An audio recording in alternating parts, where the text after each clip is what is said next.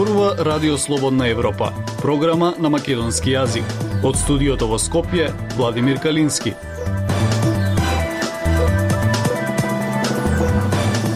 Почитувани следите емисијата на Радио Слободна Европа. Одложената оставка на премиерот Заев лошо ќе влијае врз неговиот рейтинг, оценуваат експерти. Производите кои минатата година чинале една плата, сега чинат 1000 денари повеќе, покажуваат официјалните статистички податоци. Самит за климата во Глазгов, земите од Западен Балкан треба да воведат даноци на емисиите на јаглерод диоксид. Слушајте не. Независни вести и анализи за иднината на Македонија на Радио Слободна Европа и слободнаевропа.мк. Најавената по одложена оставка на Зоран Заев од премиерската и лидерската позиција во СДСМ ќе влијае лошо врз неговиот личен рейтинг и врз оној на партијата, вели Марко Трошановски од Институтот за демократија Социетас Цивилис. Во меѓувреме се прават калкулациите за утрешното гласање на доверба на владата во собранието.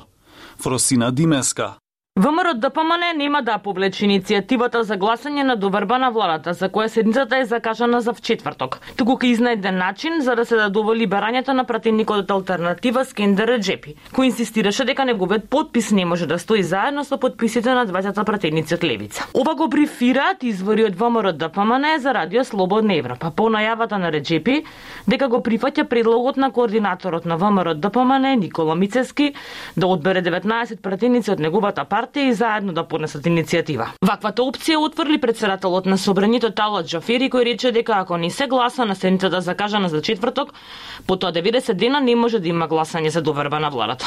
Реджепи одбива да биде дел од иницијативата со левица затоа што како што вели, таа партија е анти-НАТО, анти-ЕУ, анти-американска и е против договорите од Охриди од Преспа. Но в четврток пратениците гласаат со уште еден нов момент, одложената оставка од премиерската и лидерската функција во партијата на Зоран Заев Заев, кој ваквиот потек го најави пред 10 дена, вечерта по вториот круг на локалните избори на кој победи во МРДПМН. По вечерниот состанок на високите партиски тела ја смени одлуката. Кога ги најавив на 31 вечерта, потврдив дека останувам овде за да помогнам да се одржи парламентарното мнозинство и ако може да се појаче, да се зголем.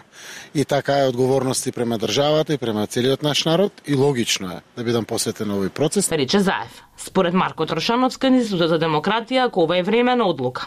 А оставката е одложена само за неколку дена, земајки предвид дека се дестабилизира целата ситуација, може би тоа ќе придонесе за некакво смирување на страстите. Тоа доколку сето ова е маневарски изговор да, да не се донесе воопшто оставка, тогаш се, секако дополнително ќе го урни со рейтингот и на партијата и на и на заед. Трошановски додава дека недоследноста во политичките изјави и постапки секој политичар порано или подоцна го чини рейтинг во најмала рака. Перцепцијата за лидер кој што кој што едно вели, а друго прави, дефинитивно ќе се одрази и по рейтингот на партијата кој што е во слободен пат. Инаку Заев е четврти председател на СРСМ. Со партијата од 1990 година до 2004 раководеше Бранко Црвенковски.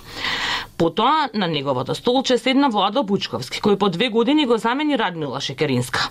Црвенковски се врати на партиската раководна позиција во 2009 година и ја водеше СДСМ се до 2013 пошто актуелниот председател стана и лидер. По владењето на ВМРО ДПМН од 2006 година, Заев ја донесе на власт СДСМ во 2017 година, па веќе пета година е и премиер и лидер на партијата. Наши економски проблеми. Ние разговараме за решенија на Радио Слободна Европа.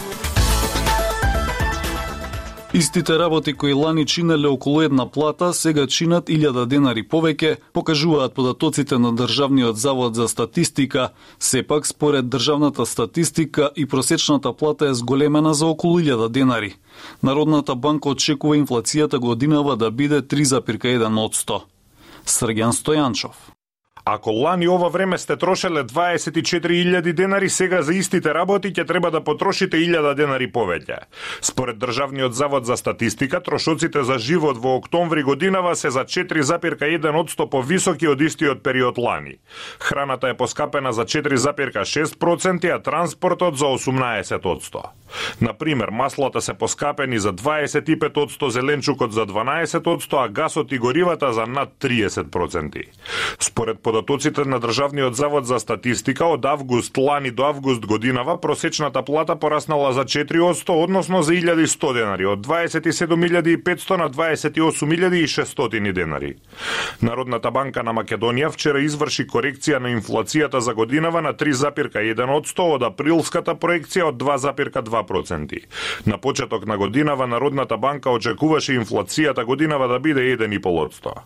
Поранешниот гувернер на Народната банка, професор Љубе Трпески, вели дека граѓаните веќе ја чувствуваат инфлацијата на свој грб. За обичниот граѓани значи поскапување на одредени намерници, поготово ако ова што се очекува да поскапи струјата, сето тоа ги изголемува трошоците на животот. Трпески сепак вели дека инфлацијата се уште е под контрола и кај нас и во светот и не треба да се крева паника. Ако се сеќаваме ние пред 20-30 години а, инфлацијата дневно растеше овај колку што сега расте на годишно ниво, така да нема потреба од паника.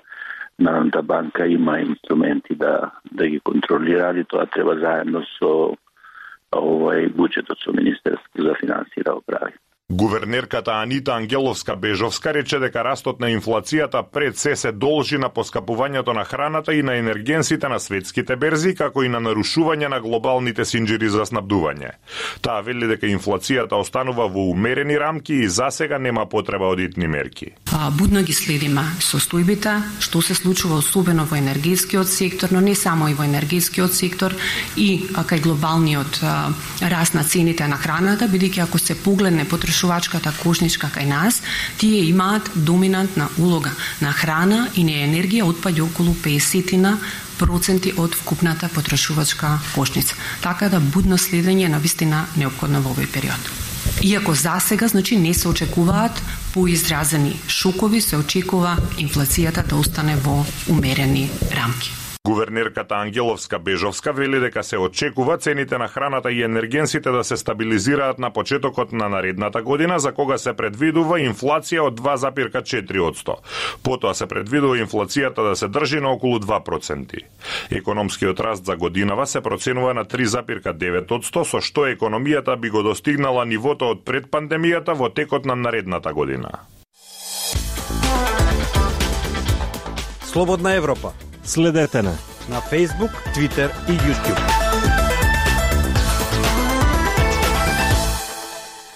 Недостасуваат финансиски средства за да се плати енергетската транзиција во земјите од Западен Балкан, беше кажано на сесијата на Европската енергетска заедница на самитот за климата во Глазгов. Потребно е земјите да воведат и данок на јаглерод, но парите да бидат насочени во посебен фонд. Додека самитот за климата во Глазго влегува во финалните денови, научниците, лидерите, активистите и бизнис представниците и натаму дискутираат за главната цел како да се задржи шансата за лимитирање на глобалното затоплување на 1,5 степени Целзиусови, како што беше договорено во Париз пред 6 години. Фокусот е ставен врз потребата за намалување на емисиите на јаглерод диоксид од енергетскиот сектор, транспортот и производството со оглед на зголемените појави на екстремни временски услови како суши, топлотни бранови, поплави, пожари, како последица на употребата на фосилните горива.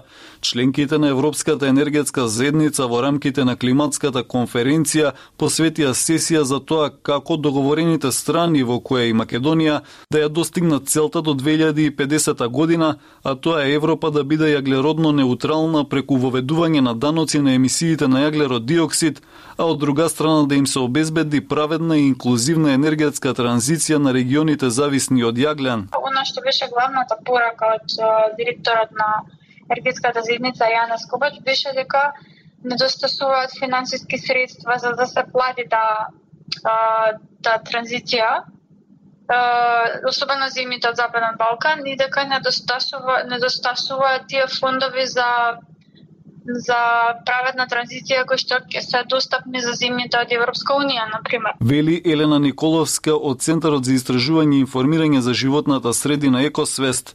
Македонија е земја подписничка на договорот на енергетската зедница, а министерот за животна средина Насер Нуреддини деновиве во Глазгов рече дека амбицијата на земјата е до 2030 година да ги намали емисиите во енергетскиот сектор за 66%, главно преку инвестирање во обновливи извори на енергија во однос на потребата за воведување на данок на јаглерод, кој треба да помогне во достигнувањето на целта за нула емисии на CO2 до средината на овој век, Николовска вели дека многу е важно овој данок да го воведат сите земји од регионот, за да може да биде постигната посекуваната цел, но посочува дека идеално би било ако парите бидат насочени во посебен фонд, за да може особено да се помогне за спроведување на праведна енергетска транзиција, Европа во моментов се соочува со енергетска криза и енормно зголемување на цените на енергенсите во услови кога цените на струјата на европските берзи се неколкукратно зголемени.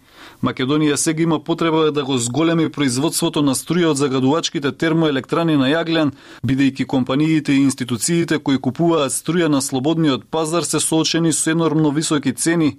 Затоа државата во моментов набавува дополнителен јаглен за термоелектраните Рек Битола и Реко Сломеј. Култура и уметност на Радио Слободна Европа. Скопје во високата зона е насловена четвртата збирка раскази на Калина Малеска, што како ново издание во популарната едиција Проаза на издавачката куќа Или Или излезе од печат деновиве. За книгата ќе биде забележано дека представува еден вид скопски прозен времеплов. Лјупчо Јолевски Читателот посакува да се нурне во кујната на Калине и да ја пронајде она суштествена состојка која го дава неодоливиот вкус на збирката. Незиниот несомнен урбан сензибилитет, шармантните лингвистички игри и инвентивните раскажувачки експерименти, непретенциозноста и спонтаната нарација која ги проникнува реалното и фиктивното, постапката на одчудување на стварноста, критичката визура на некои актуелни теми и дилеми. Ова, меѓу другото, во својата рецензија за Скопје во високата зона, четвртата збирка раскази на Калина Малеска, што како ново издание во популарната едиција Проаза на издавачката куќа Или Или, од печат излезе деновиве, ќе го забележи професорката, книжевна критичарка и теоретичарка Лидија Капушевска Дракулевска. Незиниот колега и писател Владимир Мартиновски пак, во своето писание по истиот повод, потенцира дека Малеска создала еден вид скопски прозен време времеплов во кој низ фикционална призма читателите можат да ги следат не само трансформациите на рубаниот простор, ами и промените на навиките, сваќањата меѓучовечките односи, менталитетите, вредносните системи и светогледите на скопјани низ вековите. Збирката се создаваше постепено, па дури при крај на процесот од едностана авантура. Ова се раскази селектирани од расказите што сум ги пишувала изминатите 4-5 години на различни теми во различни расположенија и до пред една година се уште не размислував за збирка. Лани во некој момент, додека ги препрочитував неколку раскази, сватив дека имам доволно раскази од кои можам да селектирам одреден број и тие да формираат збирка која ќе содржи некој заеднички лајт мотив. Тој лајт мотив беше Скопје, каде што се случуваат повеќето раскази. Дури и оние чие дејство се одвива на друго место, а има неколку такви, се на некаков начин поврзани со Скопје. Вели Малевска. И тогаш почна авантурата, кога решив поинтензивно да го обмислам концептот за збирката. Некако логично ми дојде да ги извојам оние кои се сместени во поблиска иднина од оние раскази кои се случуваат во сегашноста и тука се формираат тие два први циклуси. Исто така потоа ги одвоив и оние кои се преобмислување на некои балкански сказни и кои освен со тој елемент некако се поврзаа со уште еден современ расказ преку една друга карактеристика, како примери за поинакви од вообичаените, да речеме, модели на близкост. Посебно ги издвоив и микрорасказите како посебен жанр со голем потенцијал да пренесува различни слики и идеи. Дополнува писателката. Почитувани слушатели, тоа е се што ви подготвивме во оваа емисија. Од студиото во Скопје ве поздравуваат Владимир Калински и Дејан Балаловски.